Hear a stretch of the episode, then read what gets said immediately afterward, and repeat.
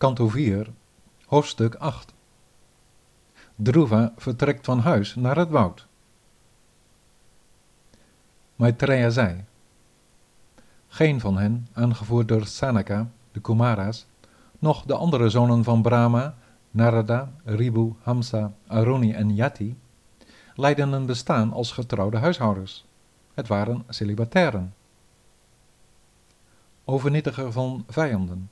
Marisha, de vrouw en zuster van een andere zoon van Brahma met de naam Adharma, bracht twee kinderen voort die Damba en Maya heten, maar ze werden meegenomen door een demon die over het zuidoosten heerste, genaamd Niriti, die kinderloos was. Uit hen twee werden Loba en Nikrita geboren, o grote ziel. Uit die twee waren er toen Kroda en Himsa. Op hun beurt werden er uit hen in een incestueuze goddeloze verbintenis de twee kinderen Kali en de zus genaamd Durukti geboren. O beste van de waarachtigen, uit Durukti bracht Kali Baya en Mrichu voort en uit de combinatie van die twee werden Yatana en Niraya verwekt. Ik heb u al dus in het kort uiteengezet wat de oorzaak van de teloorgang is van het in de hel belanden als gevolg van goddeloosheid. Degene die deze beschrijving drie keer aanhoort, o zuivere ziel, zal een kuis leven leiden en de besmetting van zijn geest weggewassen zien. Ik zal nu de dynastie beschrijven die vermaard is om zijn deugdzaam handelen, o beste van de Kurus. Hij ontstond uit de Manu, genaamd Swayambhuva, die deel uitmaakte van een volkomen aspect van de persoonlijkheid van God. Uttanapada en Priyavrata, de twee zoons van koningin Shatarupa en haar echtgenoot, waren er als delen van Brahma's volkomen deelaspect van de Allerhoogste Heer Vasudeva voor de bescherming en handhaving van de wereld. Van de twee vrouwen van Uttanapada, Suniti en Suruchi, was Suruchi de echtgenoot dierbaarder dan de andere die een zoon had die Dhruva heette. Toen op een dag de koning de zoon van Suruchi, genaamd Uttama, die hij op zijn schoot had gezet, aan het liefkozen was, stond hij afwijzend tegenover Dhruva, die ook op zijn schoot probeerde te kruipen. Koningin Suruchi, die zeer trots was op de aandacht die ze van de koning kreeg, sprak toen jaloers tot Dhruva, het kind van de bijvrouw dat op zijn schoot probeerde te klimmen, op zo'n manier dat de koning het kon horen. Mijn beste kind, je verdient het niet te gaan zitten waar de koning zit, omdat, hoewel je geboren werd als een zoon van de koning, je niet uit mijn schoot werd geboren. O kind, je snapt niet dat, omdat je niet de mijne bent, maar uit de schoot voortkwam van een andere vrouw, wat je verlangt buiten je bereik ligt. Je kan wel op de troon van de koning plaatsnemen als je dat wilt, maar alleen als je door boete te doen de oorspronkelijke persoon van God tevreden hebt gesteld en je zo bij zijn genade hebt verzekerd van een plaatsje in mijn schoot.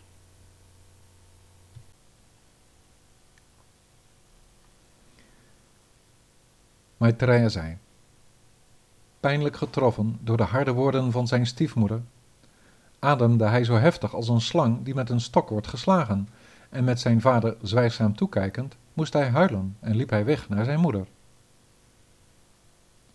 Soniti, die van de anderen had gehoord wat er gebeurd was, tilde haar hijgende zoon, wiens lippen trilden, op haar schoot en betreurde wat haar mede-echtgenote gezegd had.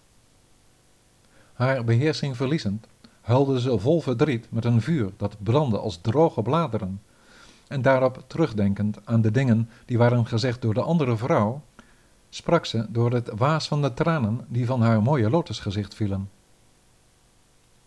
Niet wetend hoe ze het gevaar af moest wenden, raakte ze buiten adem en zei ze tegen haar zoon: Denk niet kwaad over anderen, mijn liefste zoon, want iemand moet zelf lijden onder het ongeluk dat hij anderen toewenst. De waarheid van wat moeder Suruchi je heeft gezegd over je geboorte nemen uit de schoot van mij als de onfortuinlijke, en dat je opgroeide met de melk uit mijn borst, is dat de koning zich schaamt. Hij heeft er spijt van dat hij mij als zijn vrouw heeft aanvaard. Wat je stiefmoeder tegen je zei is niet onwaar.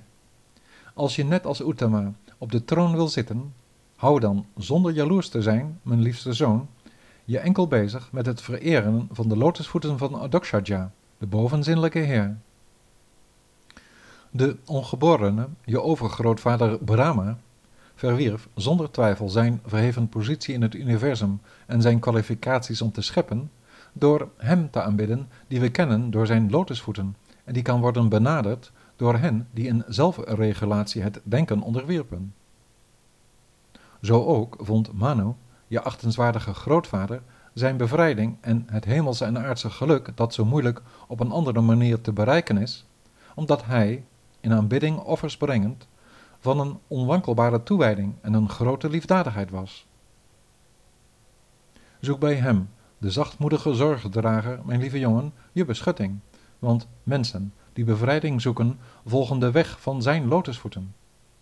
Aanbid de hoogste persoonlijkheid door je zijn beeld voor de geest te halen, nergens anders aan te denken en trouw te blijven aan je eigenlijke plichtsvervulling met hem.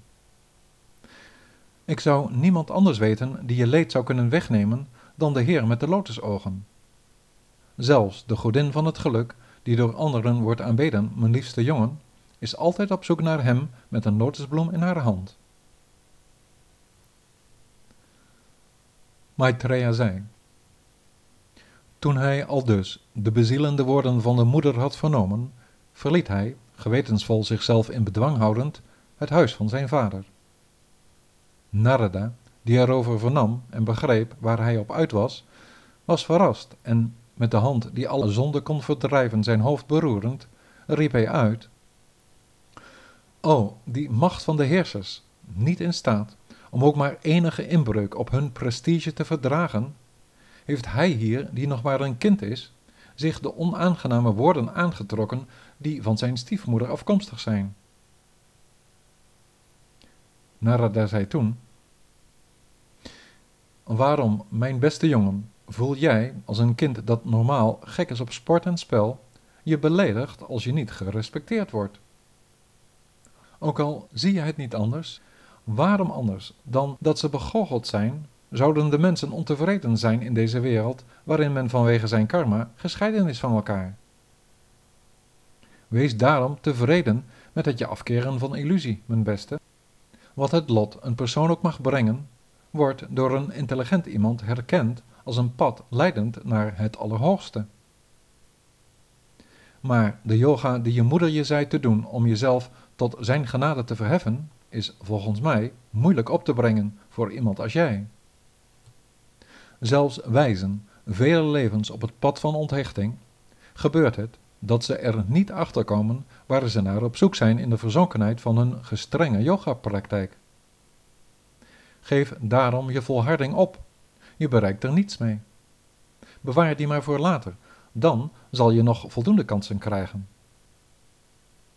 Iedere belichaamde ziel die vrede heeft met welk geluk of ongeluk ook hem door het lot toebedeeld, kan voorbij het duister reiken. Over dat wat of iemand die beter is, moet men verheugd zijn. Voor dat wat of iemand die van een mindere kwaliteit is, moet men mededogen koesteren. En voor dat wat of iemand die gelijkwaardig is, moet men vriendelijk zijn. Al dus geen verlangens koesterend, raak je door beproevingen niet van slag.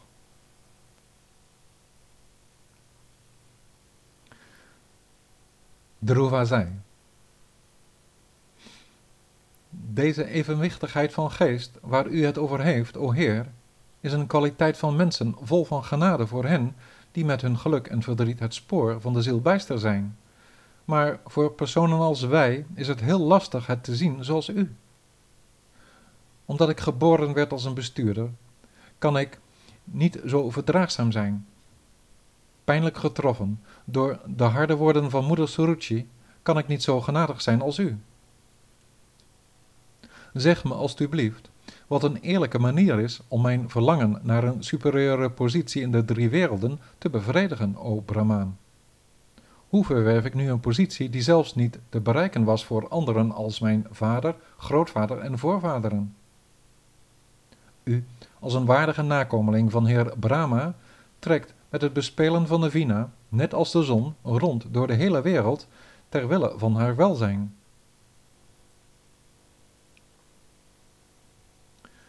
Maitreya zei, Narada was zeer verheugd toen hij hoorde wat Dhruva zei, en vol mededogen gaf hij toen antwoord om de jongen van advies te dienen. Narada zei hem, dat pad waar je moeder het over had van volledig op hem geconcentreerd dienst verlenen aan de Allerhoogste Heer Vasudeva, vormt de hoogste levensbestemming. Voor degene die de hoogste zaligheid van het zelf zoekt, middels wat bekend staat als dharma, artha, kama en moksha, vormt de aanbidding van de lotusvoeten van de Heer het enige motief. Begeef je voor dat doel, mijn beste jongen, met mijn zegen naar de oever van de Yamuna en wees gezuiverd door de heiligheid van het Madhuvana woud, waar de Heer altijd aanwezig is. Als je een bad genomen hebt in die rivier, de Kalendi genaamd, hetgeen driemaal daags op de juiste wijze gedaan iets zeer gunstigs is, moet je plaatsnemen op een daarvoor geschikt gemaakte zitplaats. Middels de drie soorten van adembeheersing moet je, stap voor stap, de onzuiverheden van je denken opgevend en je levensadem en de zinnen onder controle krijgend, met een onverstoorde geest mediteren op de allerhoogste geestelijk leraar. Altijd bereid zijn genade te tonen, is hij met zijn aangename mond, zijn manier van kijken, zijn rechte neus, gewelfde wenkbrauwen en intelligente voorhoofd, de schoonheid van de halfgoden.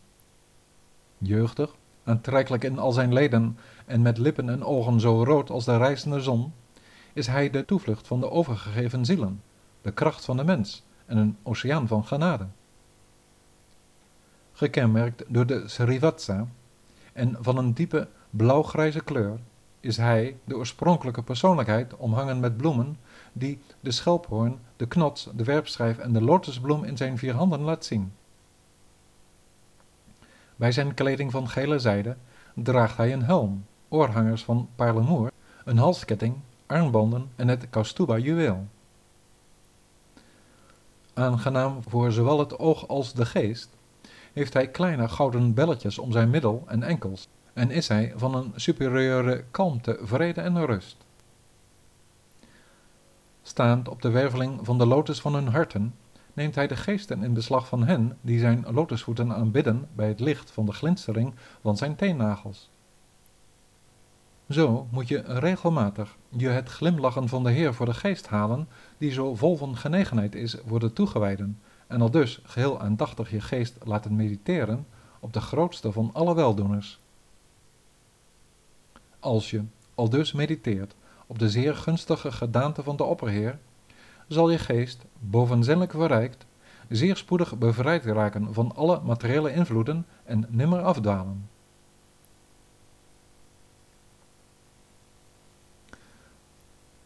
Alsjeblieft, verneem van mij nu de zeer vertrouwelijke mantra, o prins, waarop mediterend een persoon in zeven dagen kan zien wat zich in de ether beweegt. Om Namo Bhagavate Vasudevaya. Alle eer aan de Allerhoogste Heer Vasudeva. Met deze mantra, genaamd de Dvadajakshara mantra, moet hij, die wijs is en bekend met de verdelingen van plaats en tijd, respect oefenen voor de fysieke verschijning van de Heer, zoals het hoort met de verschillende hulpmiddelen. Je moet van aanbidding zijn met zuiver water, slingers van bloemen uit de natuur, wortels, verschillende vruchten en groenten, vers gras, knoppen, schors en met het offeren van tulsi-blaadjes die de Heer, je meester, zeer dierbaar zijn. Je kan, in je eentje in het bos, ermee beginnen je een beeltenis te verschaffen en te vereren die gemaakt is van stoffelijke elementen als aarde en water en daarbij, als een wijze, van volledige zelfbeheersing zijn door in vrede je spraak onder controle te houden en karig te eten van wat het woud ook maar te bieden heeft. Mediteer daarbij op de ondoorgrondelijke activiteiten van de Allerhoogste Heer van de Wijsheid in de gedaante van een avatar, die hij aan de dag legt om zijn opperste wil en vermogens uit te oefenen. In dienst van de Allerhoogste Heer moet je hem in je hart aanbidden met de mantra's die zijn belichaming vormen. Doe dat op de voorgeschreven manier met de toegewijde dienst van de leraren uit het verleden. Als de opperheer al dus met de dienst verleend door je lichaam, geest en woorden is aanbeden, overeenkomstig de regulerende beginselen van de bhakti, zal hij de devotie van jou als oprechte en serieuze toegewijde versterken. Hij zal je belonen met dat wat je als een gebonden ziel met betrekking tot het geestelijk leven en alles wat erbij hoort verlangt. Vrij van gehechtheid aan zinnelijke zaken, serieus werkmakend van het je verenigen in toewijding tot Hem, moet je altijd, vol van liefde, rechtstreeks van aanbidding zijn ter wille van de bevrijding van jezelf en die van anderen.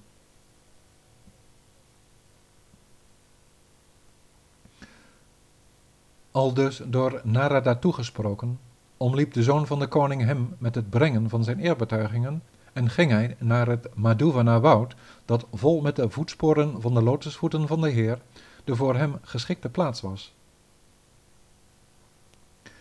Nadat Dhruva het bos was ingegaan om boete te doen, dacht de wijze er goed aan te doen de koning te bezoeken in zijn paleis. Respectvol verwelkomd en daar comfortabel gezeten, richtte hij zich tot hem. Narada zei, Beste koning, u heeft uw gezicht in de rimpels. Waar zit u zo diep over te peinzen? Bent u het spoorbijster met de zinsbevrediging, de religie of de economie? De koning antwoordde, O Brahmaan, ik heb mijn zoon, mijn lieve jongen, die nog maar vijf jaar oud is en feitelijk een grote persoonlijkheid en toegewijde is, al te gehecht zijnde aan mijn vrouw en te hardvochtig, samen met zijn moeder van hier verdreven.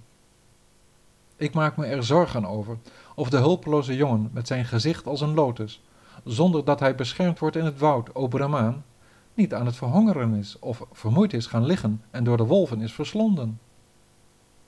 Och, hoe vreed was ik, overwonnen zijnde door een vrouw. Hoe enorm hardvochtig was het van me hem genegenheid te weigeren toen hij uit liefde op mijn schoot probeerde te klimmen. Narada zei, Wees niet, zeg ik u, wees niet bedroefd over uw zoon. Hij geniet de bescherming van de Heer, o meester van de mensen. U kent zijn glorie nog niet, die zal zich over de hele wereld verspreiden. De jongen is een meester.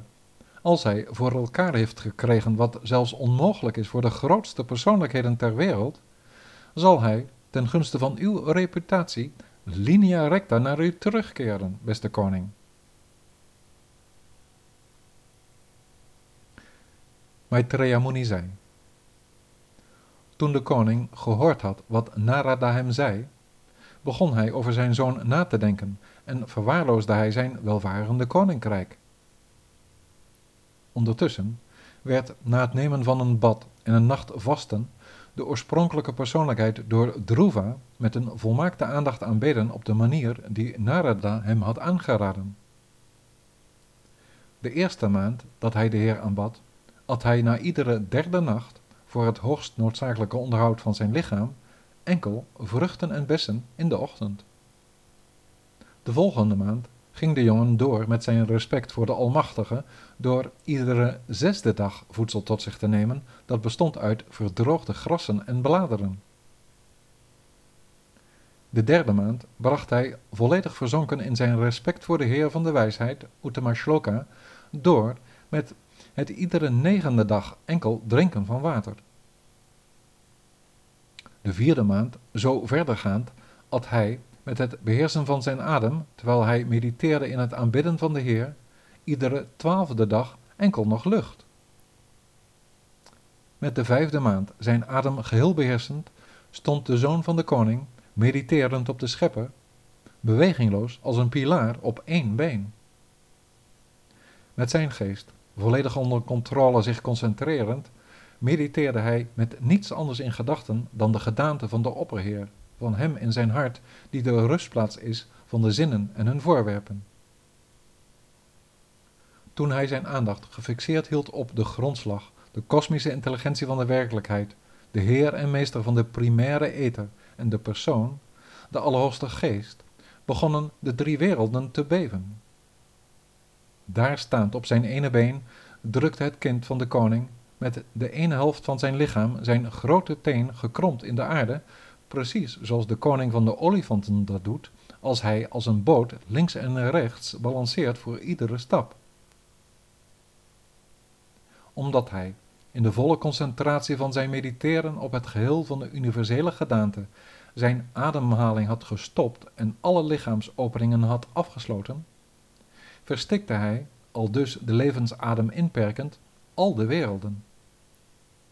Om die reden zochten toen spoedig de grote zielen van overal hun toevlucht bij de Heer. De goddelijken zeiden, O, Allerhoogste Heer, we snappen het niet, de gang van de universele adem is geblokkeerd. Daarom, o vergaarbekken van de goedheid zo vol van genade voor de behoeftigen, zoeken we allen onze toevlucht bij u om van deze calamiteit te worden bevrijd. De Allerhoogste Heer antwoordde, Vrees niet, dit verstikken van jullie levensadem vindt plaats vanwege de zoon van koning Utanapada, die diep is verzonken in gedachten over mij. Ik zal de jongen, die zo krachtig is in zijn vastbeslotenheid tot boete, vragen hiermee te stoppen. Keert u alstublieft weer terug naar uw woonplaatsen.